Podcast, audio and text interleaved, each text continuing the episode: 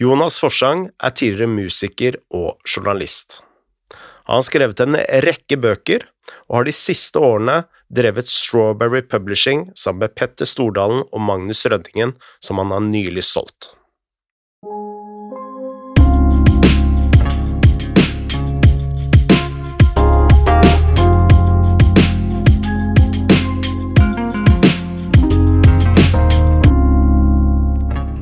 Ja, skål. I like måte. Uh, til våre lyttere. Dette er uh, take two. Det er det det er. Ja. Du som er gammel musiker, du er jo vant til å ta flere take. Det er klart jeg er vant til det, men uh, de pleier ikke å, det første taket pleier ikke å vare i halvannen time før vi går på take two. Du starta jo versjon én med å fortelle at du var veldig glad i podkaster. Ja, elsker podkaster, og jeg elsker formatet. Fordi jeg føler det det, det, det har så mange positive og fine ting. Fordi det føles så intimt og så nært og så så stikk i strid med veldig mange av de andre måtene som historier blir fortalt nå, for eksempel gjennom eh, Facebook, hvor alt er liksom superoptimalisert for at man skal føle noe og kjenne noe uh, gjennom sånne små, korte videoer hvor du får både bilder, lyd, alt sammen, musikken, alt er tilrettelagt for å få deg til å føle noe. Mens podkasten er et av de formatene som uh, hvor mye av handlinga foregår i huet ditt. Du er nødt til å fylle ut handlinga selv i hodet, og da uh, føler du så nært forhold til du får, Det blir så intimt, hele formatet. Og det tenker jeg også er grunnen til at at man føler at man er venner med de podcasterne som man følger nøye. Man får liksom en personlig relasjon til dem, samtidig som at podcasten er mer i livet ditt, det er en del av livet ditt på en helt annen måte enn egentlig noe annet format, fordi du hører på podkast samtidig som du lever livet, som du vasker opp, eller som du går tur med barnevogna og ungen din, eller til og fra jobb, eller skal legge deg og sove, så har du podden på øra. Mm. Så det var jo en meget kortere variant av det jeg begynte med å prate sist. Men jeg vet ikke om det Kanskje det, kanskje det er rett og slett uh, Men det har jo veldig mye, øh, mye til felles med bøker. Ja. hvor du Og jeg tror det som er litt unikt med både bøker og podkaster, det er at du må sperre ut verden. Mm. Altså det blir kun den stemmen du har i øret, eller den teksten du har i øynene.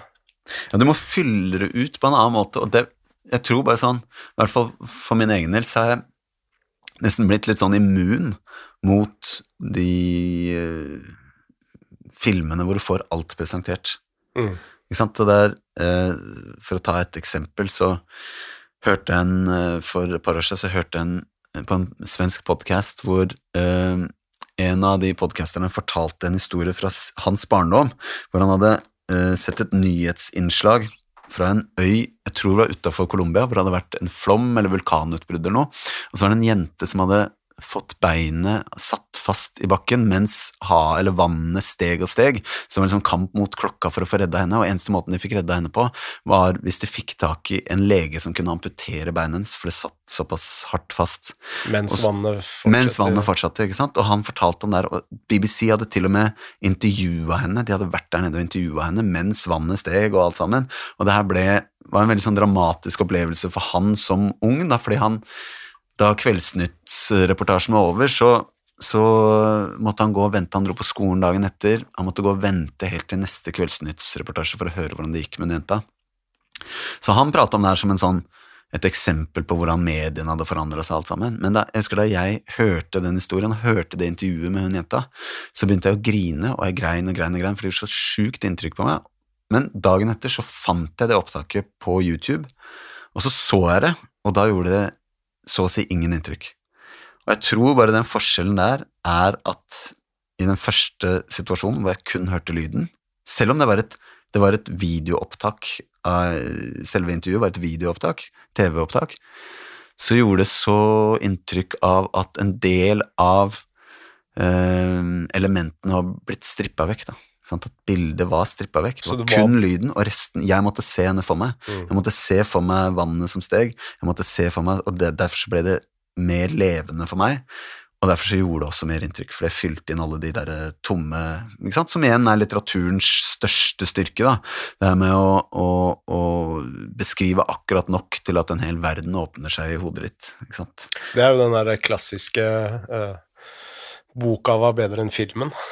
Helt klart, ikke sant? Og det er jo og det her er jo en sånn, egentlig en gammel sånn litterær uh, teori som, i hvert fall så vidt jeg veit, så var Hemingway den første som uh, uh, lanserte i hvert fall en sånn tydelig teori på det, som heter The Iceberg Principle.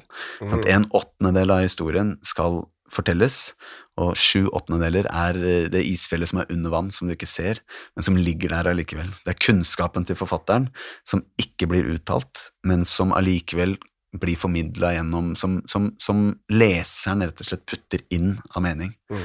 Det, der, det, er jo sånn gammelt uh, litterært triks at du ikke skal beskrive utseendet til hovedkarakteren for mye, fordi hver person er nødt til å skape seg sitt eget bilde av hvordan han eller hun ser ut. Og Hva? det har podkasten. Det er det jeg mm. mener at podden har det er, den, det er, på en måte Det er på en måte øh, den det er, den, det er et gammeldags medie på den måten at du faktisk er nødt til å skape en del av historien og lukten og smaken og alt sammen i hodet ditt sjøl. Eh, eller fylle inn eh, de tinga du ikke har, da, sånn som eksempel bildet. Mm. Men samtidig så er det hele distribusjonsmåten og hvor enkelt det er å sette opp. Du trenger ikke å ha et forlag eller et plateselskap for å lage en pod. Hvem som helst kan lage en pod. Um, den kombinasjonen der, det elsker jeg med poden. Mm. Er det kanskje litt av svakheten til media òg, at eh, Altså, det jeg eh, savner litt i samtiden nå, det er jo eh, mennesker som tør å ha feil, mennesker som tør å tenke åpent. Og nå tenker jeg at vi er i en tid hvor de som er, de som er velformulerte, de får alltid rett, fordi mm. de klarer å formidle med så stor patos og tyngde, mens de som kanskje sitter på stor fagkunnskap, da, men er dårlige til å kommunisere, mm. de eh, Altså, dette er ikke tidsalderen for dem. Og, det, og nye, altså, Joe Rogan og den såkalte vaksinedebatten ja. var et godt eksempel på det, hvor millioner av amerikanere tar eh, da eh, vaksine og covid-råd fra Joe Rogan, mm. og ikke leger. Men gjør de egentlig det, eller er det bare det som blir på en måte premisset i den debatten? For det er jo sånn, det, er jo det samme som hvis du ser på typ Sophie Elise, da, ikke sant? Mm. Foreldregenerasjonen. Uh, altså, ja, hvor faen er begynner den men, men ikke sant, foreldre er bekymra fordi at de tenker at barna blir eh, påvirka av på en måte Sophie Elises verdier, da, hva enn det måtte være.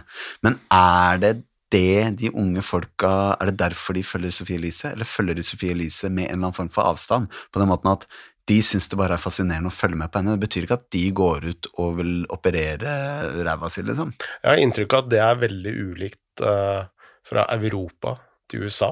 Mm. At den avstanden er mye Kanskje. større i Europa enn det den er i USA. Ja, det har jeg egentlig ingen Jeg har ingen, ingen, grunn til å mene noe om det, eller jeg har, ikke noe, jeg har ikke noe følelse av det. Men det var det jeg tenkte på med den Rogan-debatten, at um, At på en eller annen måte så blir han, nå, nå, skal det sies at jeg må ta noen forbehold her, for jeg har verken hørt på den episoden som er liksom det mest kontroversielle, eller for så vidt eh, Jeg har ikke hørt noe særlig på han, for å være helt ærlig. Men, men eh, sånn som jeg skjønte, så har han jo hatt masse folk som har vært på poden hans og prata om vaksiner, ikke sant? enten mm. de, de, er pro eller anti.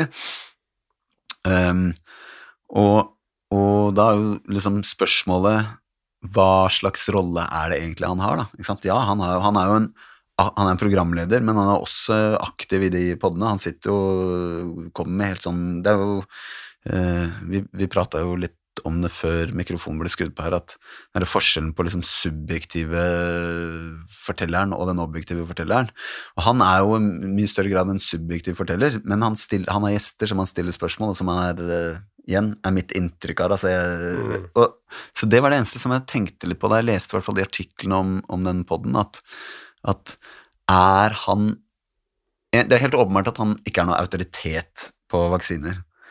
Og det er helt, men han blir dømt som om han på en måte blir oppfatta som en autoritet. Mm. Men oppfattes han egentlig som en autoritet, eller oppfattes han egentlig bare som en programleder som har en del meninger, og, og folk klarer å vurdere dem sjøl?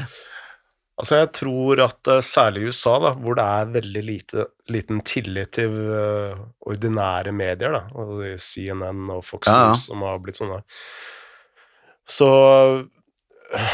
så har uh, podkast-hoster som Joe Rogan da, blitt en slags autoritet.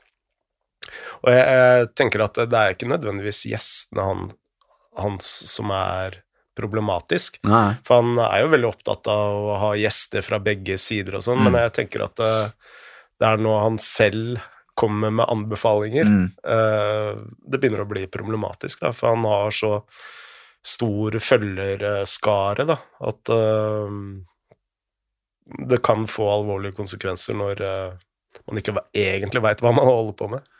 Ja, men der er vi over på en? Der er vi egentlig på, over på en større diskusjon, fordi det er jo det internett har gjort. Det er at det har gitt en stemme til egentlig alle. Mm.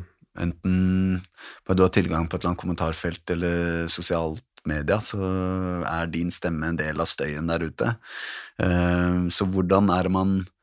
Hvordan er det man regulerer eh, folks meninger der ute? For det er flust av ikke-eksperter som uh, har masse meninger. Absolutt. Men uh, så Og flust er det- eksperter som uh, også bommer. ja, ja, ja, ikke sant? Så, og flust av eksperter som egentlig ikke er eksperter. Og ikke sant? det er jo i det derre hvordan, hvordan håndterer man det? Er, hvordan håndterer man f.eks. påvirkninga fra Joe Rogan? Hva er eh, Ja, vær så god, jeg har ikke noe svar. Det er eh, Nei, jeg har også bare spørsmål. Jeg har bare spørsmål, jeg. Ja, nei jeg, jeg, Jeg da, tenker ikke sant, da er spørsmålet Skal man begrense Sofie Elise? Skal man, eller skal man lære opp ungene sine til å, å håndtere den informasjonsflyten som de Som man uansett ikke klarer å stoppe? Mm. Det er i hvert fall sånn jeg har tenkt på med sønnen min. Da nå er han bare fem, så han er liksom begrensa hvor mye informasjon han egentlig plukker opp. Men uh, jeg har en, uh, en bonusdatter på 13. Det er sånn jeg har tenkt der at uh, Jeg ser på sånn det, På en eller annen måte så er det blitt en sånn I hvert fall Det, det har kanskje roa seg litt nå, men det var en periode hvor, hvor, det, hvor det nesten ble liksom bygd sånne skremselsbilder av eksempel hvor opptatt unge folk var av skjønnhet, da, skjønnhetsfokus. Mm. Og så, og så bygde man opp det som en sånn Nærmest som om det var en helt sånn ny ting som hadde kommet med sosiale medier. Og det, det husker jeg tenkte mange ganger at det, det er nesten som om vi sykeliggjør en hel generasjon da, for noe som egentlig er helt naturlig. Altså, Oldemora mi var også opptatt av å være fin, liksom.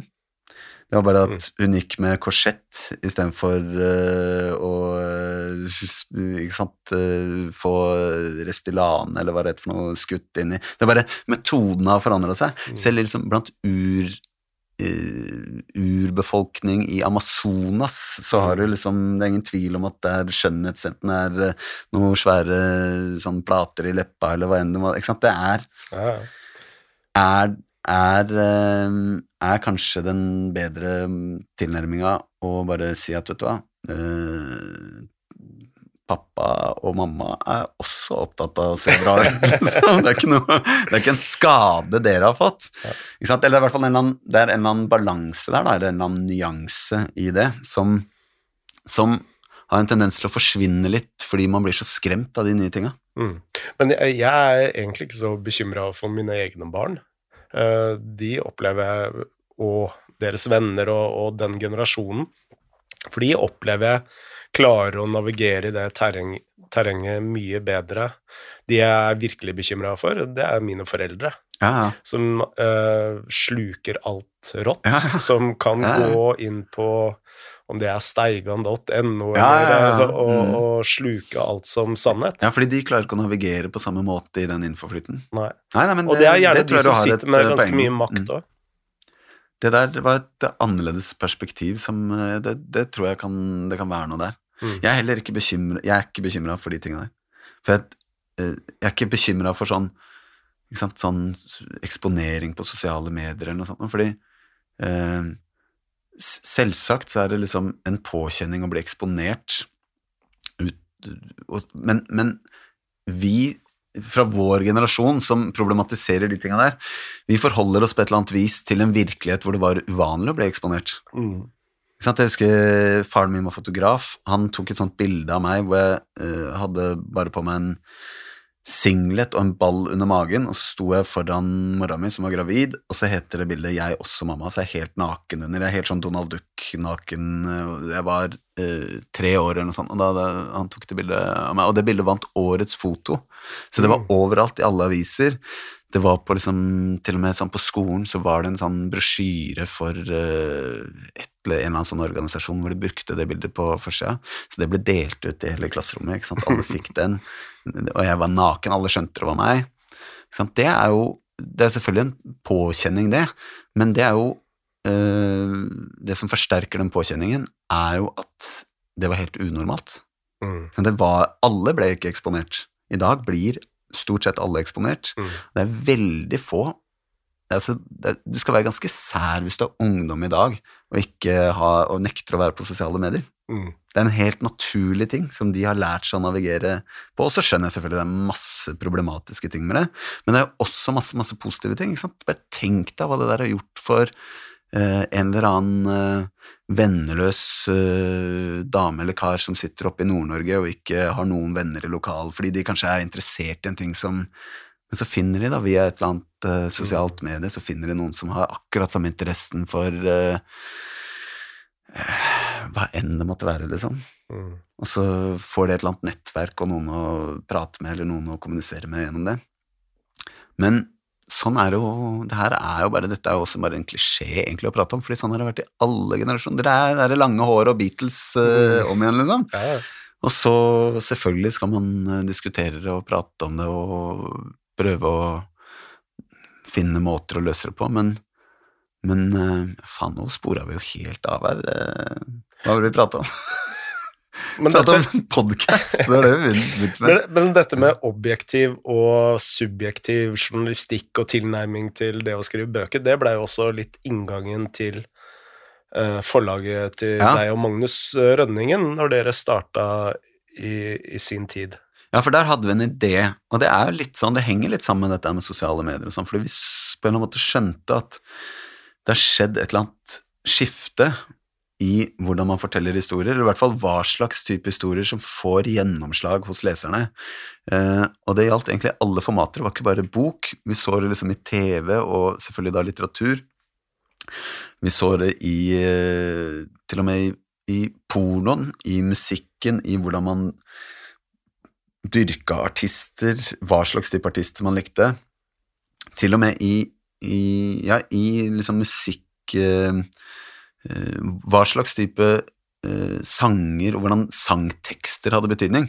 Fordi før i tida, i hvert fall da jeg leste biografier da jeg var ung, så var det det var prega av uh, tredjepersonsfortellinger. Det var historier om Enten det var eh, John F. Kennedy eller eh, eh, Jon Fredriksen, boka boka Storulv, så var det den objektive sannheten om livet til den personen som ble formidla. og det var jo et eller annet sånn avslørende med det som var det interessante. Sant? Det at vi faktisk fikk vite hvordan det helt objektivt, hvordan Jon Fredriksen hadde blitt rik, hvilke eh, svinger han hadde kutta, og eh, hvordan han hadde utnytta noen kriger og? Det, det var det spennende og interessante. Vi fikk være en slags sånn flue på veggen der, men samtidig så kom vi ikke inn under huden hans. Vi fikk ikke et inntrykk av hvordan det var å være Jon Fredriksen. Nei. Vi fikk bare liksom den objektive historien. Men så forandra det seg. Biografien mista litt eh, gjennomslagskraft i mange år, og så kom den tilbake med eh, egentlig, i hvert fall sånn som jeg har vurdert det, Zlatan-boka. Og den var helt annerledes. Det var en helt annen form for å skrive biografi. Det var en jeg-personsfortelling. Den var veldig muntlig, og den var veldig subjektiv. Så det var hans personlige opplevelse av det. Det var ikke hva som var fasiten eh, som foregikk mellom han og Messi i Barcelona-garderoben. Det var hans opplevelse av Pep Guardiola, Messi, hvordan det greiene der var. Det var det, og den var veldig sånn masse, Han hadde masse følelsesutbrudd i Ikke sant? Det var ekstremt Ja, bare subjektivt. den eh, beskrivelsen at han eh, åpner Er kjempesulten, åpner kjøleskapet, Ja, ja. og så er det bare øl i kjøleskapet. ja, ja. Og så skriver han at uh, når jeg nå bor i Paris, mm. så er kjøleskapet mitt alltid fullt. Jeg husker det altså, den uh, veldig godt. Og det Og det, det forteller meg mer om Zlatan enn en objektiv Nettopp. historie om at eh, Zlatan gikk fra Malmö til Ajax, eh, ikke sant? Ja, ja. Og der har man litt av den derre, tror jeg, da, påvirkninga fra sosiale medier, hvor vi har blitt mer og mer opptatt av å forstå og se liksom hverdagen til et menneske. Det bør ikke være, det bør ikke være begivenhetsrikt engang. Det må bare føles ekte og nært og personlig. Det er jo det bloggerne gjorde. De skrev bare om, de kunne skrive et helt blogginnlegg om hvordan det var gjort i dag. De har vært på apoteket eller gått i butikken, eller, eh, og så tester de noe ny sminke. liksom. Det var ikke noe, Mm. det var ikke noe, sto, det var ikke noe sånn der Hollywood-dramaturgi over de der blogginnleggene med treakterstruktur og vendepunkt. og Det var bare det var en rapport om hverdagen. Og samme med ikke sant, eh, Du hadde både de litt sånn, hva skal jeg si Det var alt fra bloggere da, til Knausgård. Det var akkurat det samme Knausgård gjorde ikke sant, med Min kamp. Mm. Han bare skrev om alt han tenkte og følte, og hverdagen hans. Og han sto opp om morgenen og sjekka mailen, og det var helt sånn eh, innholdsløst, egentlig, sånn sett, men hvis man ser med sånne tradisjonelle eh, dramaturgiske briller, da. Men, men det var jo på en eller annen måte nærmere noe som føltes ekte, da. Mm.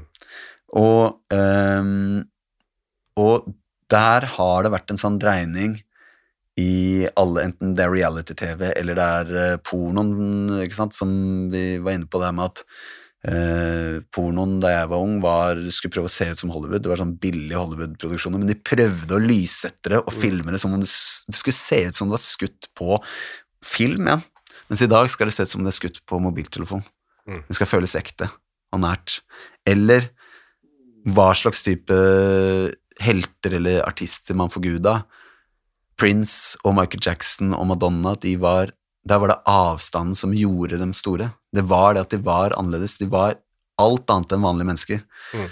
Prince var for meg i hvert fall var det helt umulig å skjønne om han var Han var en slags sånn blanding av dame og mann og heterofil og homofil og menneske og marsboer i ett. Mm. Det var avstand som gjorde at han var interessant. Eh, Samme Michael Jackson, som eh, sov i en eller annen tank og hadde ape som kjæledyr. Det var det var noe utenomjordisk med dem. Noe som jeg, det var ingenting med dem jeg kunne eh, relatere til. Mens i dag så er jo de største artistene de er, Det er noen få unntak, da, som Frank Ocean og et par sånne artister som er unntaket. De er litt mer sånn gamle skolen, det er noe mystisk med dem og sånn. Mm. Men de aller fleste artistene, de um, De har på en måte omtrent Det er nesten et realityshow, ikke og når de kommer med en ny låt, da, så er det en personlig, personlig historie. Det er et eller annet som kobles til Beyoncé gir ut en skive om utroskapen til JC. ikke? Det er så jævla nært og personlig. Og når JC kommer med den nye skiva si, så forteller han om han kjenner, ikke sant? Det er bare Det er en helt ny måte å formidle historie på. Jeg hørte faktisk Jeg lurer på om ikke det var Astrid S, fordi det er, sånn, det er et par år siden nå, men um, det var på Det er et eller annet sånn P3-program hvor de skal covre en kjent låt. Mhm. Lage din versjon av det. Jeg husker ikke hvilket, hva programmet heter. Men det, jeg tror det var Astrid S, det kan ha vært noen andre, men det var i hvert fall De skulle covre en låt om kjærlighetssorg fra en eller annen kjent artist, og så skrev hun om teksten til at Til den skulle handle Ja, det tror jeg Det kan godt hende. Mm. Men det skulle i hvert fall handle om hennes personlige kjærlighetssorg. Så hun kunne ikke covre den uten å gjøre den personlig sjæl. Det er også en helt sånn helt utenkelig ting at eh, Michael Jackson skulle eller at, eh, ikke sant? Det, det, det er et nytt fenomen, da. Det der å gjøre det Gjøre det så Det derre å, å prøve å jage en eller annen sånn transparens. At bare ingenting er Og det er også det jeg elsker med podden. I hvert fall de beste poddene Eh, og da tenker jeg egentlig ikke på Det finnes jo masse andre gode podder, men den type samtalepodden, to venner som bare har satt opp mikrofonen og begynner å prate, så, så hvis man sammenligner med radio, da ikke sant? Radio har masse sånne avstandsskapende elementer. De har faste spalter, for eksempel. Ikke sant? Mm. Eller de, har, de gjør om stemmen sin til å være sånn Øy, øy, den der gamle 90-talls eh, Howard og HC-tilnærminga til å lage radio. Ja, Ja. ja. Eller at man henvender seg direkte til lytteren. Det er også sånne ting man driver med på radioen. Men, men det er sånn jeg alltid har tenkt med de beste podkastene. Der føler man bare at de er ikke bevisst engang på at det er noen som sitter og lytter. De bare sitter og prater, og de forteller om det Det høres helt sånn ufiltrert ut og uforberedt ut. Og så er det selvfølgelig forberedt og alt sånt noe, men, men det er på en eller annen måte idealet. Dette er helt klare uforberedt. den, Slo meg meg for øvrig nå Denne tanken eh, har jeg tenkt før, da. men, men, men, men, eh, men, eh, men ja, ikke sant, det som skjedde nå, for eksempel med at den det første, Vi, vi satt jo og prata her halvannen time, og så viste det seg at opptakeren ikke gikk. Mm. Um, og uh, det negative med det er jo selvfølgelig at vi er nødt til å prøve å, å finne en eller annen måte å prate om i hvert fall noen av de samme tinga på en litt ny måte, eller skal føles friskt. Men det andre er jo at den lille delen eventuelt av forberedelser og sånn, eller det, det, kanskje det positive som kan komme ut av det, er at det forsvinner litt mer. da. Mm. At det her føles enda litt friere. Ja. Jeg prøver å nullstille meg. Ja, jeg også gjør det, får vi se om vi lykkes. Men, men der er, for å ta det tilbake til det med bøker, eh, det var den første ideen vi hadde. At eh, vi Petter Stordalen hadde det har blitt skrevet en biografi som kom ut på Kagge i 2014. Eh, Det var en ikke-autorisert biografi som var skrevet av Gunnar Stavrum, samme forfatteren som har skrevet Storulv, som jeg nevnte før, om, om eh, Jon Fredriksen. Mm. Eh, og det var da tredjeperson, det var et forsøk på å skrive den objektive sannheten. Og det vi Og den gikk Den solgte helt ok, men jeg, jeg tror den solgte rundt sånn, la oss si 4000 X, som er bra i norsk standard, Ja. men fortsatt mindre enn Petter hadde forventa. Jeg vil også tro mindre enn både forfattere og forlag hadde forventa. Uh, og da fikk vi litt sånn der Magnus og jeg diskuterte at men faen heller, den burde jo blitt skrevet i jeg-person. Den burde Den objektive sannheten er uinteressant. Det er den subjektive sannheten som er interessant. Mm. Hvorfor, eller hvordan er det å være Petter Stordalen, er det som er interessant. Mm. Og da må man komme under huden hans. Og det var liksom hele grunntanken med den boka. Eh, Den åpne, åpningskapitlet er at Petter sitter sjæl. Han beskriver selv at han sitter eh, på kontoret hjemme i huset på Bygdøy, og han er våken, det er midt på natta, han er våken fordi Gunhild er sjuk og har eh, noe problem med det. Han veit ikke hva han skal gjøre, så han setter seg ned og begynner å skrive på en bok. Mm. Den, det var hele liksom bevisstheten rundt det. Og selv om det var jeg som skrev den, så passa vi på sånn navnet mitt ikke var på forsida, for eksempel. Mm. Fordi man Vi ville Vi ville ikke at noen skulle sitte og lese den boka og tenke at det var et avstandsskapende mellomledd. Man skulle føle at det faktisk var Petter som hadde skrevet det sjøl. Husker jeg drev eh, plateselskap uh, i mange år med uh, Christer Falk. Det husker jeg også veldig godt. Og vi eh, En fredags... Det var jo et av de kuleste plateselskapene i landet, det. Ja, eh, takk. takk. Eh, og eh, husker jeg ikke om det var på en mandag eller tirsdag disse prøvelistene ble sendt ut. Uansett så gikk Johnny og Onkel P nummer én. Mm. Og jeg fløy jo rett ut eh, for å kjøpe kake. Det var kjendisparty, da, eller? Det var kjendispartiet. Kommer tilbake på kontoret, og så eh, har de justert listene sine, da. Mm. Uh, og vi var nummer to. Mm. Og så uh, Da tenkte vi her er det noe muffens. Mm. Og vi begynte å grave litt, og, og så møtte vi en uh, salgssjef i et av de største plateselskapene på Egertorget, rett utafor Free Record Shop, som Mm. hadde butikk der på, på plassen her. Eh, og han eh, forklarte oss eh, litt hvordan dette hang sammen, og Mm. hva han gjorde for å liksom hjelpe artistene. Sikre førsteplassene. Ja. ja. Så vi gjorde en avtale med Lydverket. Lagde en dokumentar på hvordan du klarer å manipulere deg oppover på VG-lista, som medfører at du blei Kom på spillelistene til Mm. P3, blant annet. Du kom på Absolute og Make Music, som Ja. var masse Du ble penger. anmeldt, for eksempel. Ble anmeldt. Ja. Mm. Um, og etter den dokumentaren eh, ble sluppet på NRK, så ble det jo et haraball eh, uten like. Mm. Og vi uh, var med i en sånn bransjeorganisasjon som het Fono. Og de ville kaste oss ut. Mm. Dette var en organisasjon for uavhengig plateselskap, da. Så blei det en sånn eh, generalforsamling eh, med alle plateselskapene. Og det var en del eh, mennesker der. Og jeg husker jeg det var en kar som reiste, seg opp da, etter at man hadde snakka på inn- og utpust om hvor korrupt platebransjen var. da. Mm. Og da kunne han fortelle at ja, platebransjen den var ganske korrupt. Nå hadde han jobba tre år i bokbransjen, og den, den var korrupt, den! Ja.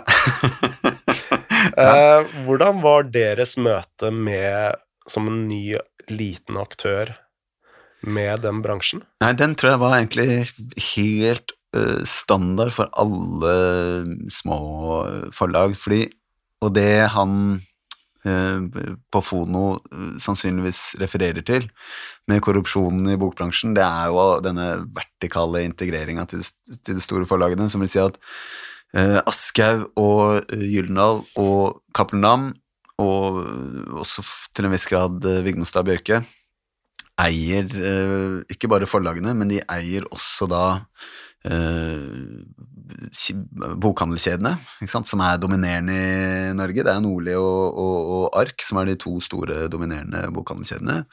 De eier eh, distribusjonsselskapene, som det er to distributører i Norge som distribuerer bøker, og begge er eid av eh, de store forlagene. De eier lagerne. De eier, eh, Hvis du skal makulere bøker, så er det de som eier det. Mm. De eier lydbokstrømmetjenestene. ikke sant? De eier Fabel eller uh, Storytel. Uh, de eier absolutt alt i hele bokkjeden. Uh, og det gjør jo at som liten, uavhengig aktør så er det, er det ikke så lett å få innpass i, i den, eh, hele den kjeden, hele det systemet. Og det gjør også at man stiller en del spørsmålstegn med ok, for eksempel ark, da. Pusher de først og fremst Gyldendals bøker, liksom, i og med at Gyldendal Mm. er samme eier? Mm. Det åpner opp for en del sånn spekulasjon, um, og det gjør at det, det er rett og slett jævla vanskelig å få innpass hos disse kjedene. Og så det var det første vi merka, var jo bare um, Vi kom ikke engang, vi fikk ikke engang møte med Nordli. Mm. Så og, det, og vi prøvde alt. Jeg husker jeg skrev eh, Jeg sendte gaver, var ute på Nordli der, la igjen sånn gave, personlige gaver til en innkjøpssjefen. Jeg skrev små dikt som jeg la igjen der. Først skrev jeg et dikt som handla om henne, sånn tulledikt. Og så skrev jeg liksom, da det ikke funka, skrev jeg eh, limerick. Og da det ikke funka, så skrev jeg haiku. Og så tenkte jeg bare nå bare fortsette å skrive de jævla diktene. Fordi på et eller annet tidspunkt så forhåpentligvis er dette, oppleves dette som så sjarmerende at hun er nødt til å ta et med meg. Så, men fortsatt, og til slutt fikk jeg bare sånn mail hvor det sto bare sånn Du, godt forsøk, liksom, men det, det hjelper ingenting. Jeg har ikke tid til å møte deg. Og da var det vi tenkte Det var første gang vi tenkte at ok, hvordan er det vi løser det problemet her? Og da skjønte vi at eneste måten vi kommer inn for innpass her, er hvis vi klarer å signere en forfatter som er så stor at det påvirker bunnlinja til kjedene hvis de ikke får den. Mm. Og da var det vi satte oss ned, og så gjorde vi en analyse over hvem er det som er den mestselgende forfatteren i Norge. Og vi trodde jo det var Jo Nesbø. Men det vi skjønte da, er at eh, ja, Jo Nesbø selger mest per bok han utgir, men han utgir bare én bok i året. Mens Jørn Lier Harst, han utgir seks bøker i året. Minimum. Og Eh, barnebøker i tillegg. Ja, ja, ja. ja, det er inkludert barnebøker, da. Ja, okay. Han utgir, eh, På det tidspunktet utga han da en krimserie som, med han William Wisting, og så utga han ja, fem-seks barnebøker i tillegg. Og hver av dem solgte, de barnebøkene solgte 20 000 pluss. Og nå ligger Jørn selger én million bøker i året. Ja, full samling av Ja, detektivbyrå nummer to. Detektivbyrå nummer to er ikke noe spøk, det, altså. Eh, så, så da skjønte vi bare ok, det er forfatteren vi skal gå etter. Mm. Men på det tidspunktet, det her var jo akkurat sånn, det var jo før Petter gikk altså Petter Stordalen gikk som investor òg, så vi hadde jo liksom ikke noe vi hadde jo ikke egentlig noe særlig å slå i bordet med overfor Jørn, og egentlig ikke noe å tilby han, så vi, vi, tok aldri kontakt. Men da, det var liksom der det frøet ble sådd, da. Dere at, forsto hva som skulle til? Ja, vi må opp kom... på det nivået, liksom, for, ja. å, for, å, for, å, egentlig bare få uh, være med og spille.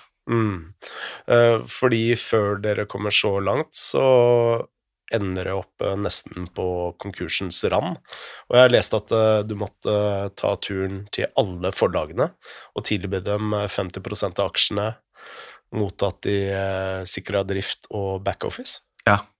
Det som skjedde, var at vi hadde jo da utgitt denne Stordalen-biografien. For den ble jo da Jeg skrev den, og, og Magnus Eh, partneren min eh, på det tidspunktet her, eller fortsatt, men eneste partneren min på det tidspunktet her, eh, han tok seg av PR og markedsføring og hele den biten der. Og så utga vi den, og da hadde vi egentlig ikke noen andre ambisjoner med det forlaget. Vi hadde bare tenkt å utgi den ene boka, og så kom kom i prat med en felles uh, venninne av oss, Synnøve Skarbø, som skulle, en, hun skulle skrive en ryddebok. Som uh, hun skulle møte med både Kagge og Gyldendal om den, og spurte om hjelp til å jobbe fram pitchen til de møtene. Så, uh, og da var det Magnus sa men faen, eller kan vi ikke bare ut igjen? Vi har dere selskapet liggende. Så da gjorde vi det, og det også blei en suksess.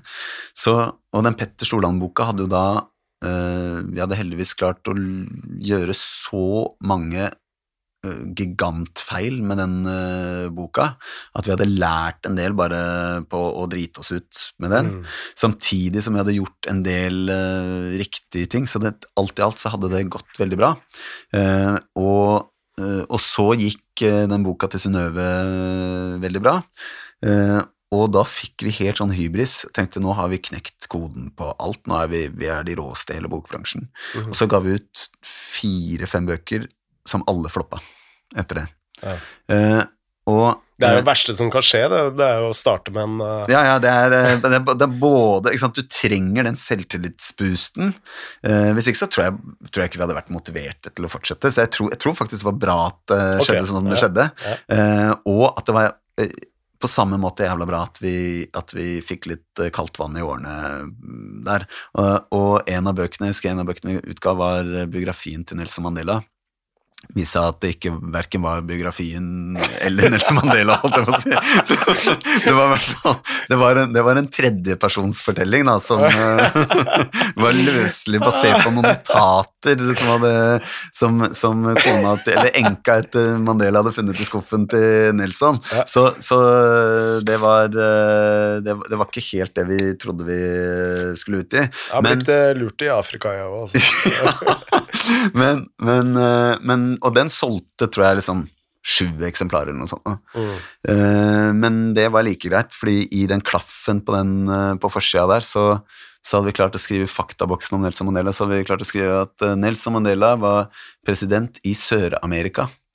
Så alt i alt så syns vi det var helt greit at det var veldig få som fikk med seg akkurat den utøvelsen. Var det du som hadde korrektur òg? Nei, vet du, det husker jeg ikke engang, men det var, fall, det var en feil alle måtte ta sin del av skylda for. For det var bare elendig, elendig håndverk fra A til Å. Men sånn ikke? Vi, vi ro, drev, holdt på, styra og rota og, og, og surra med det ene og det andre. Heldigvis lærte vi masse hele veien her, ikke sant. Og så og oppi, vi, hadde, vi, klarte da uh, å bruke den suksessen vi hadde hatt med Stordalen-boka og uh, Synnøves ryddebok til å få signert Petter Northugs biografi. Så den hadde vi kontrakt på, vi hadde ikke skrevet den, og så hadde vi også fått landa kontrakt på Gunhild Stordalens biografi. Og så skulle vi ut, gi ut Gunhilds bok høsten 2017 var det her. Og da tenkte vi at ok, nå er det alvor. Nå må vi begynne å ansette noen. Så vi ansatte tre-fire stykker, første i forlaget. Eh, og så utsatte Gunhild eh, utgivelsen. Og da hadde vi jo ingen inntjening eh, i det hele tatt. Eh, den eneste inntjeninga vi skulle ha, den var utsatt. Mm. Og selvfølgelig masse utgifter med disse ansatte. Um, som vi hadde lovet gull og grønne skoger eh, for å komme over til oss. Eh, og da var vi jo Altså, jeg tror vi var Ja, det er maks et par uker fra konkurs. Altså, det var helt på siste Vi hadde prøvd alt på å finne en eller annen måte å holde den skuta flytende. Og da gikk jeg først ned til Mats, uh, Mats Nygaard i Aschehoug. Inn i det gamle tradisjonsrike, ærverdige Aschehoug-bygget på Selsteds plass, Mm. opp på kontoret hans, og så sa jeg bare vi har, eh, her er det vi har. Vi har Gunhild Stordalens bok, vi har Northugs bok, eh, og vi har masse pågangsmot og ikke sant, hele den der greia der. Eh, du får 50 av aksjene mot at du hjelper oss med likviditet og backoffice. Og så takka de nei. Um, de hadde akkurat investert eller kjøpt en liten eierpost i et forlag som het Pitch, så det var uaktuelt for dem, så vi dro til Gyldendal, over på andre sida av Sestes plass. Hadde møte med Tørres Tuv, sjefen der. Han takka nei. Fikk ikke engang svar fra Cappelen Dam, så der var det ikke noe å hente. Og så ga vi også tilbudet til Erling Kagge. Og han takka også nei. Og så, bare et par dager etter det, så var vi ute og spiste middag med Petter, og så takka han ja. Mm. Uh, vi må gå litt tilbake, og ehm, uh, Altså, jeg har jo grunna en del eh, selskap selv, og Mm. er nå i en sånn såkalt startup-runde hvor jeg er rundt og pitcher en idé hos investorer, og en av de tingene du alltid blir spurt om, det er jo gründerteamet. Mm. Og, og deres forlag blei jo starta på askene av en konkurs. Mm. Uh, Alfa, uh, Ja. magasinet til Magnus Rønningen, Ja. hvor du også skrev noen helt uh, Jeg var ansatt der, ja. Du var ansatt der eh, og skrev noen episke saker, blant annet eh, fra Bolivia. Ja. eh, om disse tre kvinnene som ble arrestert for kokainsmugling, og du var med også på hele flukten. Mm. Eh, vi skal ikke snakke om den flukten, for det er en helt egen podkast, og det er jo laget podkaster om uh, den historien. ja. Men uh, jeg veit ikke om dette stemmer, men slik jeg opplevde det, det var at eh, når Alfa gikk konkurs, så forlot alle det synkende skipet og viste Magnus Rønningen ryggen. Mm. Og han blei eh, den store laughing stock, Mm. uh, i hvert fall i Oslo-gryta. ja. Uh, Latterliggjort, tråkka på, uh, samtidig som han hadde gitt veldig mange sjansen, uh, som har blitt starten på veldig mange karrierer nå, nå i ettertid. Mm. Men du, du visste ikke ryggen. Altså, du er fortsatt kompanjong. Hva, hva var det du så i Magnus som gjorde at du ville liksom fortsette reisen med Ja, han, på Altså, tross jeg, jeg var jo en av de han hadde gitt sjansen, ikke sant? Mm. Så jeg var jo eh, Jeg var eh, avdanka rapper slash uh, rockegitarist som som eh, ikke sant ikke helt visste hva jeg skulle gjøre i livet mitt, og som begynte å skrive litt sånn på hobbybasis noen artikler og sånt, og så plukka han opp det og ga meg jobben i Alfa, og pusha meg ut i verden på reportasjer og um, ikke sant? På et eksempel er den Bolivia-saken som du nevnte. Jeg hadde aldri, jeg hadde aldri endt opp med en sånn type sak hvis det ikke var han som pusha meg og dytta meg i den retninga. Ehm, så jeg hadde jo på ene sida masse takknemlighet overfor det, og eh, følte jeg skyldte han masse. Men også så elska jeg jo Magnus. Han var jo kompisen min. Mm. Og vi merka at vi jobba jævla bra sammen. Og jeg kan si etter eh, at Alfa gikk konk, så eh, fikk jo jeg jobb i DN i Lørdagsmagasinet basert på ikke sant? Jeg følte jeg hadde han å takke for jævla mye. Mm. Uh, så, så for meg så var aldri det der noe sånn Det var ikke noe jeg engang tenkte på. Jeg la merke til at en del um, Var min beskrivelse riktig, ja, ja tenker det du? jo eh, Det var jo mange som var frustrerte og opprørte over at f.eks. Alfa gikk konk, for det var jo masse folk som jobba der. Mm. Eh, og der er jo Det, tenk, det husker jeg at jeg tenkte på at eh, de fokuserer bare på hva de mister, de fokuserer ikke på at de hadde aldri hatt den jobben her hvis det ikke var for at han gutsa. Mm. Så der var det en eller annen sånn refleksjon i bånn som gjorde at jeg aldri egentlig åpna opp for uh, de mer sånn negative bitene av det. Men ikke sant, det du ikke sa, som er med på å forklare litt uh, en del av de reaksjonene, var jo at Magnus også gikk jo jævla hardt ut da, med uh, alfa. ikke sant? Det var et eller annet med det. At det var noe veldig sånn han sa jo sånn 'vi er det eneste mannebladet i Norge', og? Det var, det var jævla høye ambisjoner. Så det var nok med på å, å forsterke litt den der rekylen som kom etterpå, da. At Mm. det var mange som hadde gått og venta litt på å kunne ta han. Mm. Eh, og da ble de servert den den, den, den eh, smashball. Ja, de gjorde det. Altså. Men jeg elska jo alt det greiene der med Magnus. Jeg elska jo at han var sånn, at han var så annerledes, at han, Mm. at han aldri så noen begrensninger, og eh, det aldri var et nei i munnen hans så lenge, det, så lenge det, han syntes det var en god idé. Mm. Det var jo på en måte året det var, Alfa varte jo ikke så lenge, men, men jeg følte vi fikk sparka bra fra oss i det korte året det eksisterte. Og det var jo 100% på grunn av Magnus. Sant? Han, han, eh, han ville ikke lage bare et, nok et magasin, han ville lage noe helt spesielt. Ja, jeg har ofte tenkt at eh, altså For meg så har Magnus, eh, særlig rundt den perioden der, vært et eh, eh, Ikke forbilde, men en inspirasjon, da. Mm. Men for meg òg. Ja, altså vi to er nok likere enn enn Magnus. Altså, Ja, ja. Vi to er nok de stilleste Ja, i rommet. Mm. Og det er litt derfor jeg vil eh, snakke med deg òg. så jeg har ofte tenkt at eh, når jeg har starta ting, da, at eh, jeg skulle ønske jeg hadde litt mer av det Mm. Magnus har. Det hadde gjort ting mye enklere. Ja, og det er jo uh, på en måte Magnus sin uh, mest positive med han, og så er det jo uh, på en måte problemet hans òg. At han, han er så Når du har foten konstant eh, pressa lengst, gassen lengst ned, så, så er det vinn eller forsvinn, da. Da er det da, Ja, men det handler jo Altså, det, det jeg tror dere har naila, da, sånn sett utenfra, det er at uh, uh, dere er et gründerteam som Altså, dere har veldig mye felles, men dere har jo også eh, veldig mange ulike egenskaper som sammen blir noe bra. Og i Alfa så var det mm, kanskje kun Magnus, da. mm, Og Magnus er jo en sånn person som har ekstreme egenskaper, og veldig ofte med mennesker som har ekstreme egenskaper, så har du også ekstreme svakheter. Mm. Uh, og med deg og Petter uh, og Magnus da som et team, da, så har det sett utenfra uh, vært noe veldig fint.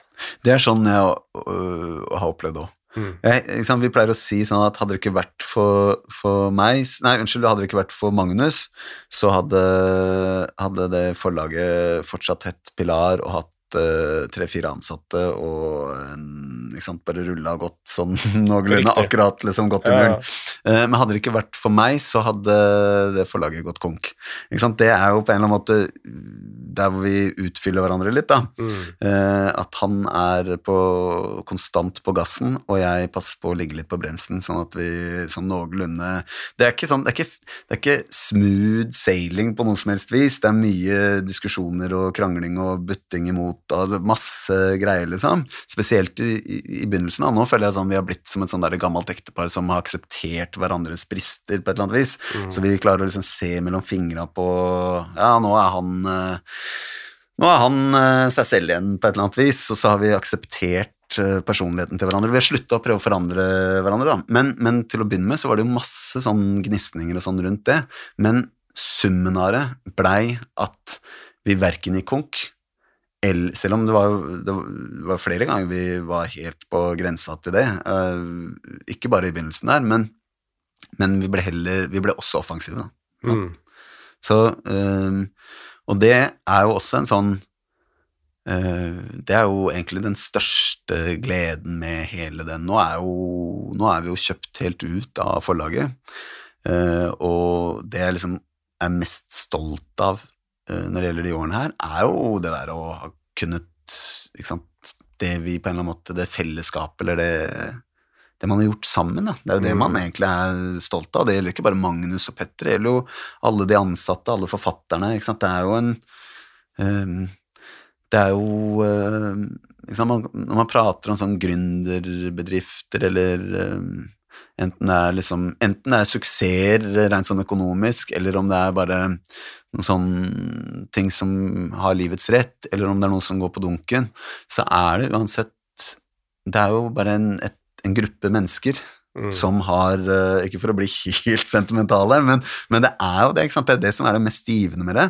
At, um, at eksempel alle disse forfatterne ga oss den tilliten da, i starten. Mm. Det er noe som Det er jo det, eller i hvert fall det er jo flere ting da, jeg kommer til å ta med meg fra det, men det er jo bare det er noe jeg aldri kommer til å glemme. liksom.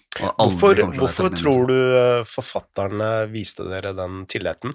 Fordi altså, dere starta jo på toppen uh, med Holst, Mm. og så fikk dere Egeland. Horst, ja. Mm. Ja.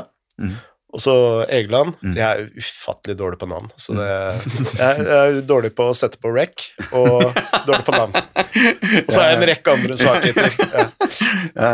Eh, men uh, for det Du nevnte dette, dette frøet som dere sådde tidlig, at dere måtte ha forfattere ja, som var så store at uh, butikken og kjedene ikke kunne si nei til dere. Mm. Men hvordan fikk dere dem over? Ja, Jørn var jo den første og den viktigste brikka, sånn sett.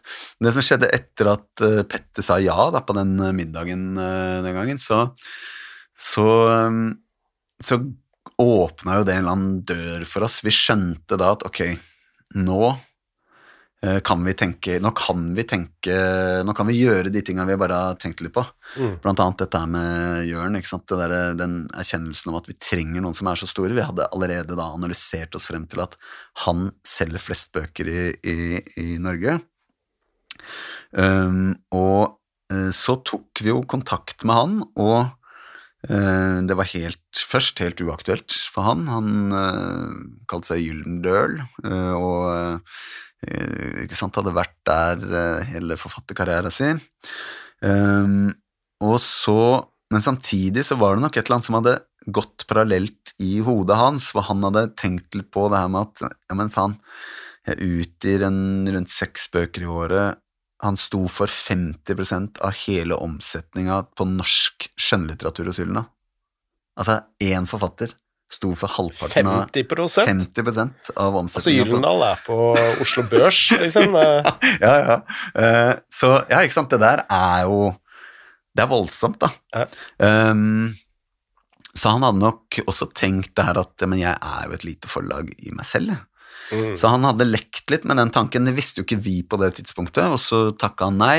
Eh, ironisk nok, jeg kom på det først nå, han, han tipsa oss også om at ja, kanskje vi burde liksom prate litt med de pitch-folka. Samme som Aschehoug hadde kjøpt seg inn i, for de, hadde, det var også en sånn, de var riktignok utbrytere av, eh, av et annet forlag, da. Mm. Eh, Og starta litt sånn ja, men litt sånn ny tanke om hvordan de skulle bedri, drive et forlag. Um, men, og der var jo Petter også helt essensiell, selvfølgelig, fordi um, et, det vi skjønte etter hvert, var det at det, vi trodde jo at det var helt umulig å hamle opp med disse gamle, tradisjonelle forlagene, fordi de var så fylt med prestisje, de hadde så mye tradisjon. De hadde sant, det å bli antatt av Aschehoug eller Oktober eller Gyldendal, det har bare en eller annen sånn tyngde ved seg Mm. som vi aldri i livet kunne, kunne matche. Vi hadde liksom to avdanka journalister, en konkursrytter og en eh, hotellkonge Jeg som har gått konkurs én gang, så er jeg ikke noe rytter. ja, men ikke sant, Du skjønner hva jeg mener. Petter Stordalen, eller noen sånn Duracell-hotellkonge som så ut som hadde arva hele garderoben til Michael Jackson. Ja, for det er ikke du som er mot uh, moterådgiver. Det er ikke som moterådgiver. Det, det klarer han det, Den pakka kjører han 100 sjæl. Um, så, så ikke sant, den derre Å gå inn i en veldig sånn høykulturell, eh, lukka bransje eh, med det teamet der. Det er ikke noe sånn at du nødvendigvis eh, blir tatt imot med åpne armer. Eh, så det var vi jo klar over. Vi var veldig usikre på liksom sånn, ok, hva slags effekt har det at Petter er investor. Men det vi skjønte, var at det der eh, det var egentlig bare en feilvurdering fra vår side, fordi eh, forfattere spesielt, da, eh, de var så overmodne for at det skulle komme noen nye folk som kunne rokke litt ved de der gamle maktstrukturene i bokbransjen. Så de, var, de, bare, de hadde vært åpne for en utfordrer lenge, de. Men problemet med disse unge, de liksom nystarta indie, i mangel av et bedre ord, indie-forlaga, eller uavhengige forlaga, eh, som hadde blitt starta, de hadde ikke økonomien i bånn til å gi dem tryggheten. Mm. Så derfor så, Det var det som holdt dem igjen. Og det var forskjellen. Vi kom inn som mange forlag eh, med liksom en nystarta Den given man har når man starter noe nytt og vil mm. tenke annerledes og sånn. Men vi hadde også økonomien i bånn. Mm. Og det gjorde at uh, det, det, var jo bare på en måte en eller annen flaks på timinga, da. Eller, eller vi, det, i hvert fall idet vi skjønte det, så, så, så, visste vi akkurat hva vi skulle gjøre. Da skulle vi bare mm. gå etter alle sammen. Mm. Så det var det vi gjorde. Uh, når du får med Petter uh, på laget, så Altså, du får jo med kapital på kjøpet, ja. men hva slags intellektuell kapital er det han uh, har liksom brakt inn i, i ja, nei, det er, det er mye. Det er, sant, han kan jo ingenting i utgangspunktet, ingenting om på en måte litterære miljøet i Norge sånn sett. Han, mm. Men det er jo et eller annet med med de folka som, som lykkes nærmest uansett hvilken bransje de går inn i. Det, det han har. Det er, liksom, det er, vanskelig å vite hvor man skal starte og hvor man skal slutte, fordi han, men han har i hvert fall en helt vanvittig forståelse av hvordan man skal bygge en sunn business. Mm. Og hva som skal til. Han har overtalelsesevner som er helt uh, um, Ja, det er igjen det er, Jeg klarer ikke å, jeg klarer ikke å, å, å på en måte koker det ned og konkretiserer det, for det er bare en eller annen sånn form for X-faktor som, eh, som, mm. Eh, som, bare er der. Han har en eller annen pondus og en eller annen trygghet og en eller annen, et engasjement og en energi og en Handler det om å forenkle ting, kanskje, sånn forretningsmessig? Blant annet. Ja. Men det er mer komplekst på et eller annet vis, da, men jeg skal prøve å tenke et eller annet eksempel hvor hvor eh, Det jeg føler, er jo at Petter Petter er jo han er både gass og brems. da. En, sånn sett så er det en blanding av både Magnus og meg. Han er jo han er mer på en måte eh, forsiktig enn en Magnus på en måte, og så er han eh, mer eh, offensiv enn meg. Eh, men det er bare en liten del. Han, han har jo også eh, Han har veldig, en veldig sånn fin finfølenhet rundt hva som motiverer mennesker. Mm. Så han, han, Da er vi tilbake på ikke bare gründerteam, da, men uh, hele teamet som uh, Ja, det, så men det der er helt sånn det, det, jeg, tror, jeg skjønner at man, hvis man bare har sett Petter på TV, for eksempel, så, så låter det kanskje litt sånn rart. Uh, men hvis du møter Petter i en eller annen La oss si at vi, du er en forfatter da, eller en ansatt i et forlag, eh, og eh, vi skal prøve å få deg over. Måten Petter Han skjønner veldig på veldig kort tid hva det er du trenger i livet ditt for at du skal bli lykkeligere og inspirert, mm. og så gir han deg akkurat det. Ja. Så lykkepille. og så er det ikke sånn han bare gjør det for syns skyld der og da. Han går faktisk all in for å faktisk gi deg det. Mm. Og det, den opplevelsen, det tror jeg er et eller annet som Det er noe der som gjør at uh, Det er noe sånn jeg ser i Nordic Choice også. De har, nå vet jeg ikke etter pandemien hvor mange ansatte de har, men på et eller annet tidspunkt før pandemien så var det 13 000 ansatte eller noe sånt. Mm. Og det, alltid når jeg prata med de Nordic Choice-ansatte, de selv med 13 000 ansatte, så, så, kan du merke det hos de ansatte at det er den opplevelsen de har med Petter. Mm alt fra resepsjonisten til frokostvertinna til uh, de som rengjør uh, rommet, liksom. Mm. Så det er jo et eller annet unikt, og det er et eller annet uh, Det er lett å le av naglene på skinnjakka hans, men det greiene der, det, det er selvfølgelig Jeg syns mest selvfølgelig eh, synd på den. Ja, det sånn. Ja, nettopp, ja. ja. Nei, nei, altså under pandemien Ja, sånn, ja. ja, Mm. Så er jeg sånn Han skulle jeg gitt en klem. Eh, nei, jeg mener det ja, ja, seriøst. ja, nei, jeg, jeg tror på det. interessant. Ja. Uh, nei, nei, så, så det er klart Men sånn Kombinasjonen av alle disse tingene har selvfølgelig vært helt essensielt.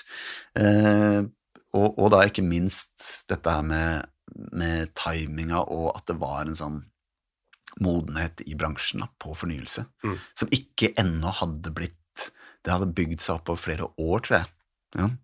Men apropos dette med å gjøre dårlige avgjørelser, altså Mm. når du driver en forretning, så har jeg tenkt, eh, ikke bare med meg selv, men andre som har stått meg nært, da, som driver eh, store forretninger, at eh, med en gang de blir litt pressa, Mm. det er da de dårlige avgjørelsene ofte kommer. Da, at, Ja. eh, det er berømmelige ordtaket til Mike Tyson at eh, alle har en plan helt til du Mm. blir slått i trynet. Ja, Eh, var Petter med på å gi dere litt sånn ro, at dere klarte å senke garden til at dere begynte å gjøre litt sånn gode avgjørelser igjen, da? Ja, altså det, var, det han ga, var sånn i hvert fall um, selvtilliten til å tro på de avgjørelsene vi tok. Mm. Det var ikke sånn at nødvendigvis avgjørelsene var gode, men vi, vi øh, det var, I det daglige så var det jo Magnus og jeg som dreiv hadde, var liksom, Det var vi som hadde driften av forlaget, men vi pra, prata jo med Petter nesten daglig. Han. Og da, det å kunne sparre med han og si sånn Vi har en, en idé om det og det, og kunne gjort sånn og sånn, hva tenker du om det? Og når han sa det er en jævla god idé, da trodde vi på det òg. Mm. Det er jo et eller annet der òg, at da, ok, det ga oss den selvtilliten til å faktisk gjøre det eh, fullt ut, da. Mm. Og hvis han sa nei, men jeg er litt skeptisk til den ideen, så eh, på ene sida, han luka ut litt dårlige ideer og, eller dårlige avgjørelser, eh, hjalp oss med hvordan vi skulle håndtere. Vi hadde jo ikke noe, bortsett fra Magnus, hadde jo litt erfaring med, med å ha ansatte, men jeg hadde ingen erfaring, ingen erfaring i det hele tatt med det. Og der hadde liksom selvfølgelig Petter masse erfaring som vi, vi kom oss til gode. Eh, Men også rent sånn businessideer, ikke sant? satsingsområder, vekst, ekspansjon, oppkjøp. Vi kjøpte jo etter hvert ganske mange forlag òg ja. Så, så, så alt det der med avgjørelser og sånt nå, jeg kan si de største sånn krisene vi sto i, vi ble jo også i hvert fall sånn umiddelbart hardt ramma av covid. Og det er jo det som til slutt gjorde at vi endte opp med å selge òg. Vi hadde jo aldri gjort det ellers, fordi vi elska jo å drive forlag. Mm. Um, men um, over natta så stoppa jo uttakene fra I og med at det første lockdown, ikke sant, så, så var det ingen av kjedene som visste helt hvordan det der kom til å påvirke omsetninga deres, så de stoppa alle uttak av nye bøker. Mm. Og vi fikk jo vår omsetning fra kjedene, så det vil si at omsetninga vår basically gikk i null sant, over natta. Og vi lå jo da ute, vi hadde jo brukt hver krone vi hadde fått inn på, hadde vi reinvestert, så vi lå jo ute med alle penger. Vi hadde ikke noen sånn krigskasse vi kunne ta av eh, for å betale lønninger og sånt. nå. Mm. Og det er klart, i den eh, første covid-runden hvor Petter var sant, Da var det jo, da sa Petter også bare gutta, jeg har ikke tid og mulighet til å følge opp eh, for, Nå må dere ta forlaget, for jeg må Jeg har et par andre større, større branner som må Må seg. Ja. Og det er jo forståelig. 100 forståelig. Men ikke sant, den derre De, de um, kriserundene, eller hva jeg skal kalle det for, det var flere sånne, ikke sant, hvor det er når man er i sterk vekst, så, så, um, så er det jo en konstant sånn mm, man hele tida beveger seg litt på en sånn knivsegg når det kommer til likviditeten. ikke sant? Det derre Ok, vi reinvesterer i nye ting, ehm, men vi må fortsatt ha penger til å drifte. Kanskje vi har reinvestert noe som vi forventer å få en liksom, avkastning på den investeringa litt før enn den faktisk kommer. ikke sant? Sånne typiske ting som det. Så plutselig ser vi at faen, vi har jo ikke nok penger inne til å betale royalty, ikke sant? eller hva enn det Mm. måtte være. Og så er det jo selvfølgelig sånn at vi kunne jo da hente mer penger fra Petter, men, men da, det kommer jo med en konsekvens. Da blir jo vi vanna ut på et eller annet nivå, vår, vår eierandel går ned. Mm. Så den derre eh, det, er, det er jo en sånn annen ting som, som eh, jeg tror veldig mange av konkurrentene våre trodde De trodde vi hadde ubegrensa med penger. Mm. Og det spilte spilte jo veldig på, at sant, det er ingen som kan ta oss på det finansielle. Og på sett og vis så var det jo heller ikke det, men, men det hadde jo da betydd eh, at vi ble vanna ut. Mm. Og det er jo også en sånn um, Det er jo noe av det som er både krevende med å Selv om du har en stor investor i ryggen, Mm. så er det noe krevende med det, men det er jo også noe som er veldig interessant, da, for det gjør jo at du, du blir enda mer fokusert og skjerpa på å ta de riktige avgjørelsene. Mm. Da er du enda mer fokusert på at ok, de penga vi skal bruke på å kjøpe de lydbokrettighetene nå, de må vi, vi må være 100% sikre på at det er et godt kjøp. Mm. For vi må få tilbake de penga, for om et halvt år så skal royaltyen ut, eller sant, hva enn det måtte være. Mm. Nå har du jo en, eh, endt opp med begge beina godt eh, planta på, på jorda. Eh, men hvis du ser de siste par årene før du og Magnus da gikk ut eh, sist mm. Petter gikk ut et år før dere. Ja, bare, bare noen måneder, faktisk. oss. Mm. Uh, og noe av det siste dere gjorde, var jo å uh, kjøpe masse Ja. lydbokrettigheter. Mm. Tenker du at eh, lydbøker er fremtiden? Ja, i alle i, ikke, ikke nødvendigvis sånn at um, det, det er jo rart, det der, hvis du ser på alle mulige andre sånne formater, så er jo digitaliseringa kommet mye egentlig mye lenger. Mm. Den fysiske boka lever jo fortsatt i beste Velgående. Altså på alle mulige måter, eh, og står for eh, den, det klart største delen av omsetninga i bokbransjen fortsatt. Men hvis man ser til f.eks. Sverige, da, som jo har vært veldig tidlig ute med alle sånne lydformater, både podcast, det er jo enormt i Sverige, men også lydbøker, så er det jo ikke noe tvil om at vi går jo i den retninga. Mm. Og en del av de der fordelene som vi prater om med podcast-formatet, de er jo der også i lydbokformatet. Mm. Og lydbokformatet er jo ikke Folk har jo ikke begynt å egentlig utforske det. ikke sant? Det er jo Foreløpig så er lydboka blir produsert Boka blir skrevet for fysisk eh, form, og så er det bare en eller annen skuespiller som leser opp. Mm. Tenk til alle de mulighetene som faktisk ligger i Hva hvis du skriver for lyd? Hva hvis du ikke sant, tenker Har flere stemmer. Mer, ja, det er, ikke sant? Man kan, enten så kan man dra i en sånn, i en sånn eh, nesten sånn radioteateraktig retning, eller man kan i hvert fall begynne å liksom legge på noe musikk, eller man kan eh, Jeg hørte Det beste sånn lydboka jeg har hørt, er eh, Malcolm Gladwell. Han eh, Outliers, Tipping ja, helt riktig. Sånn populærvitenskapelig forfatter som har utgitt flere bestselgere, som har og spe spesielt stort marked i USA. Da. Han, han har utgitt et par Han har en podkast som, eh, som er en sånn slags sånn reportasjepodkast, hvor han intervjuer forskjellige folk og får inn stemmene deres og sånn. Og det har han jo gjort på de siste lydbøkene òg. De er bygd opp på samme måten. Så Mm. når han kommer til liksom et sitat i den boka Det er jo non-fiction av dette her, så det er jo ekte mennesker som han har intervjua. Så hører du stemmene deres istedenfor at han leser sitatene. Mm. Sånne enkle ting. Eller at man tenker sånn eh, Hvorfor skal en roman være mellom 250 og 350 sider? Mm. Det er også en helt sånn gammel tanke som ikke nødvendigvis man behøver å dra over til lydformatet. Kanskje man skal heller tenke mer sånn som TV-serier. ikke sant? At man har episodiske ikke sant? Man lager episoder. Man det er masse ting å, å, som ikke er utnytta eller prøvd i lydbokformatet. Så at det på en måte er framtidas format, det er jeg veldig sikker på. Mm.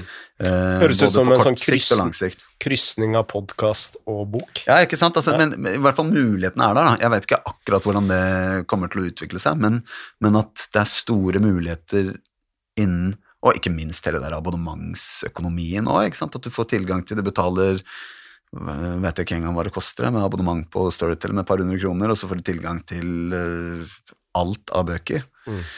Um, og der er det Der, der er um, der er det kjempemuligheter, og der innså vi også at veldig mange forlag hang bakpå. Mm. Um, Cappelen Dam hadde uh, flest lydbokrettigheter i Norge, uh, og, men vi skjønte at sant, inntil nylig så hadde jo det å lage lydbøker, den produksjonen, den tjente seg ikke inn. Den var liksom for dyr og markedet for lite. Så har jo markedet eksplodert, men forlagene hadde sovet litt i timen. Så der var det jo masse gamle rettigheter. ikke sant? Det er det samme som du ser på musikk også. Backlisten, eller backkatalogen til, eh, til artister blir mye mer aktuell i strømmemarkedet.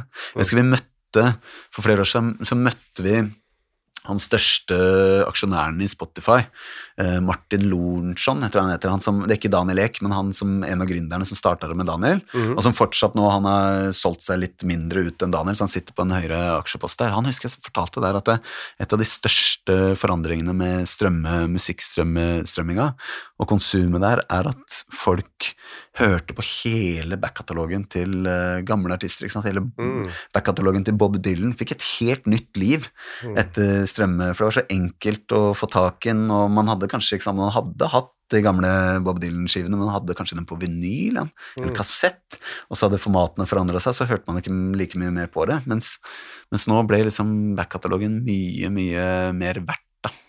Og Det det, var- var jo det vi gjorde her nå. Vi kjøpte gamle lydbokrettigheter til uh, både norske og internasjonale forfattere. Ja, fordi det er jo det som skjer i musikkbransjen nå, at eh, store investeringsselskap kjøper opp rettigheter, publiseringsrettigheter. Ja. Både nytt og, ny og gammel musikk. Så ja. Ja, der er det jo um, Men det der henger jo også litt sånn Nå blir jo det her veldig litt sånn Hva skal jeg si eh, Veldig fokusert rundt bokbransjen helt spesifikt, da, men den største liksom kampen i norsk bokbransje nå, den går på Det er liksom strømmekrigen. Mm. Igjen, på grunn av den eh, strukturen som er sånn eierstrukturen, så er det jo da disse lydbokstrømmetjenestene. Det er jo på en måte Det er tekken i bokbransjen, da. Ja. Mm. Der er det Det brukes mange hundre millioner for hver av disse strømmetjenestene hvert år på å prøve å skaffe seg nye lyttere og nye abonnenter. Og per i dag så er det da Fabel og Storytel som har vært de største, og så kommer nå Bonnier inn med Bookbeat. Og så er det også en utfordrer fra Sverige som heter Next Story. Eh, eh, den kampen der, det er jo egentlig en internasjonal kamp som foregår over hele verden, i, og i hvert fall i Europa da, med de aktørene her. Eh, de forlagene har jo blitt mer som en slags innholdsleverandør til disse tjenestene enn omvendt. Mm. Sånn som du ser på TV òg, at, at eh, Eller ta, ta Spotify, da, som kjøper opp podkastselskaper, innholdsprodusenter.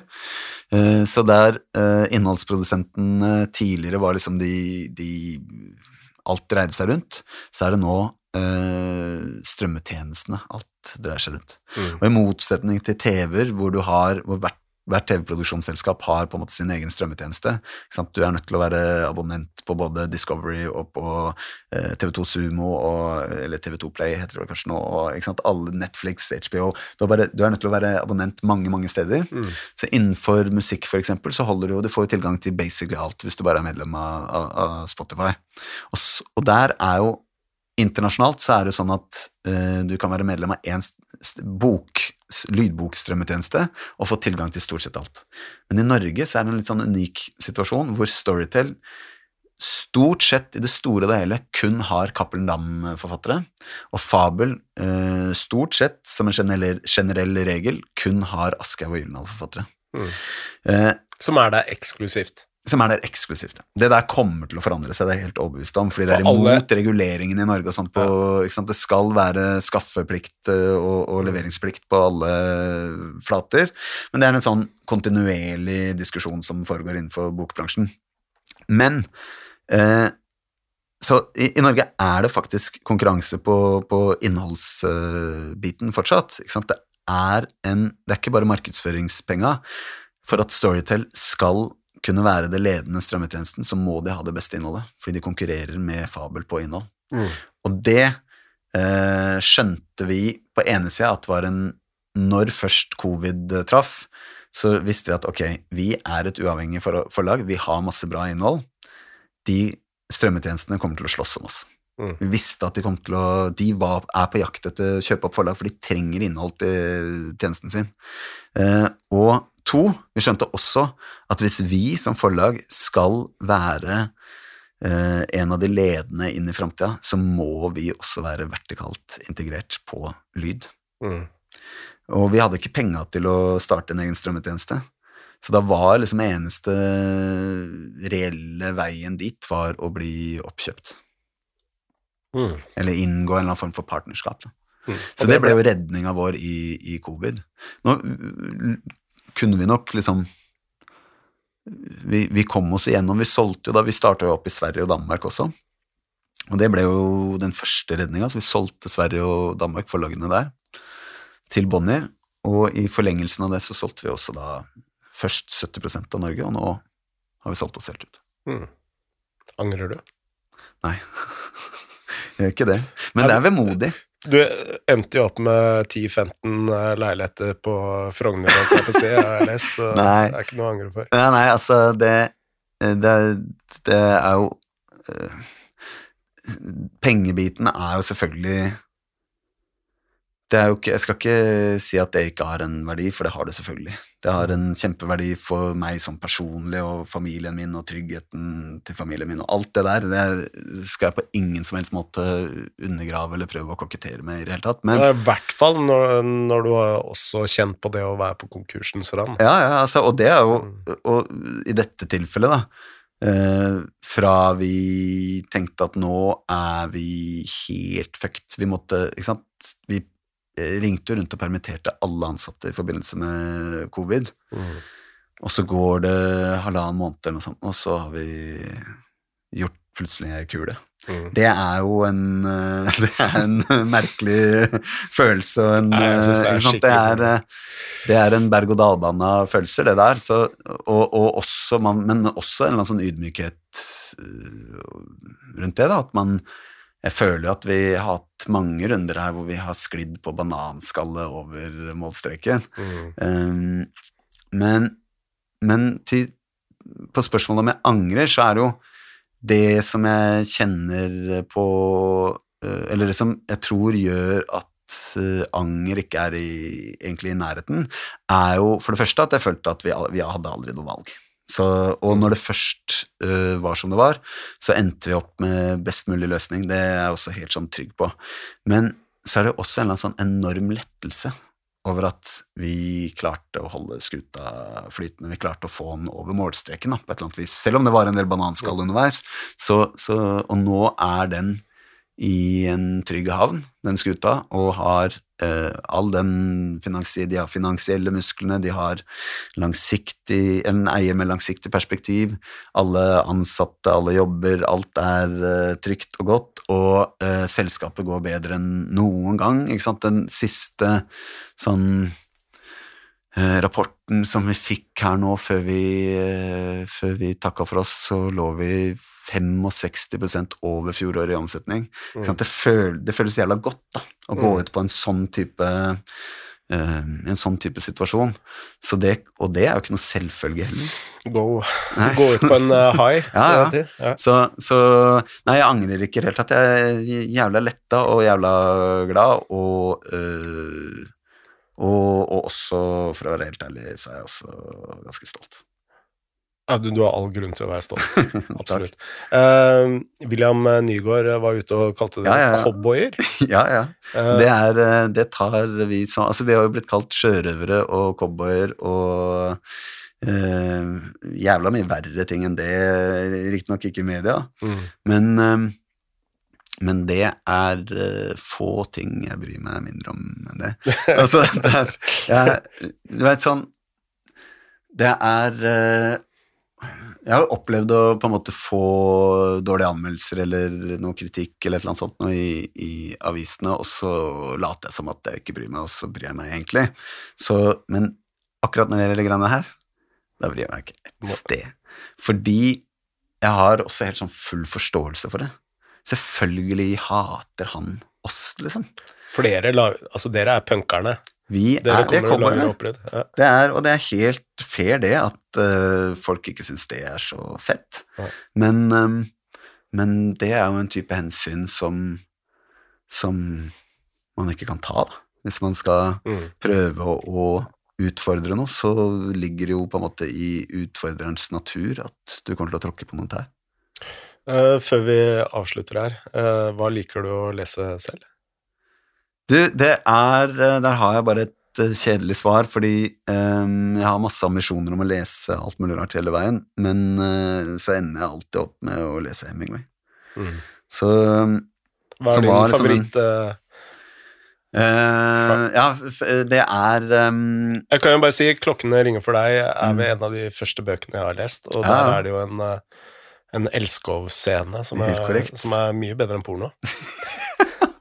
Ja, ja, det er jo Pilar forlag kommer jo fra, fra den boka. Det er jo en av karakterene som heter Pilar, Mm. som han også kalte opp uh, båten sin etter. Uh, ja, det er helt Det er, uh, heter ikke hun Maria og Robert Jordan, tror jeg heter han hovedkarakteren. Nei, det, men det er faktisk ikke favoritten min. Favoritten min er The Sun Also Rises og Farewell to Arms. Eh, og eh, jeg blir aldri lei kan lese det. Jeg vil heller lese uh, The Sun Also Rises for 17. gang enn å lese en eller annen ny kritikerrost bok. Mm. Um, og så leser jeg selvfølgelig manusene våre, da. Mm. Som også er med på å liksom forklare hvorfor jeg ikke får lest så mye annet. Så hvert år så er det, det er alltid eh, masse bøker hos de konkurrerende forlagene som jeg har skikkelig lyst til å lese, sånn som nå, for eksempel seinest nå med mm, Abid Raja-boka som har fått så god kritikk og sånt nå, som jeg har tenkt faen, det må jeg lese, apropos biografier og Der er et eller annet som jeg syns er spennende, hvorfor er det den treffer så bredt og eh, For det var heller ingen Det var ikke noe opplagt bok at det skulle bli en kjempesuksess. Ja. Så Men eh, så strekker ikke tida til på et eller annet vis. Eller jeg bruker hele tida på å høre på podkast, som også er vel et slags tegn, da. Ernest Hemingway var jo eh, kjent for å sette punktum.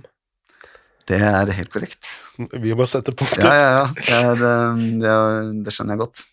Eh, takk for uh, dobbeltepisoden. Du, det var en eh, glede, Frode, å være her. Takk for invitasjonen. Episode én var jo også fantastisk.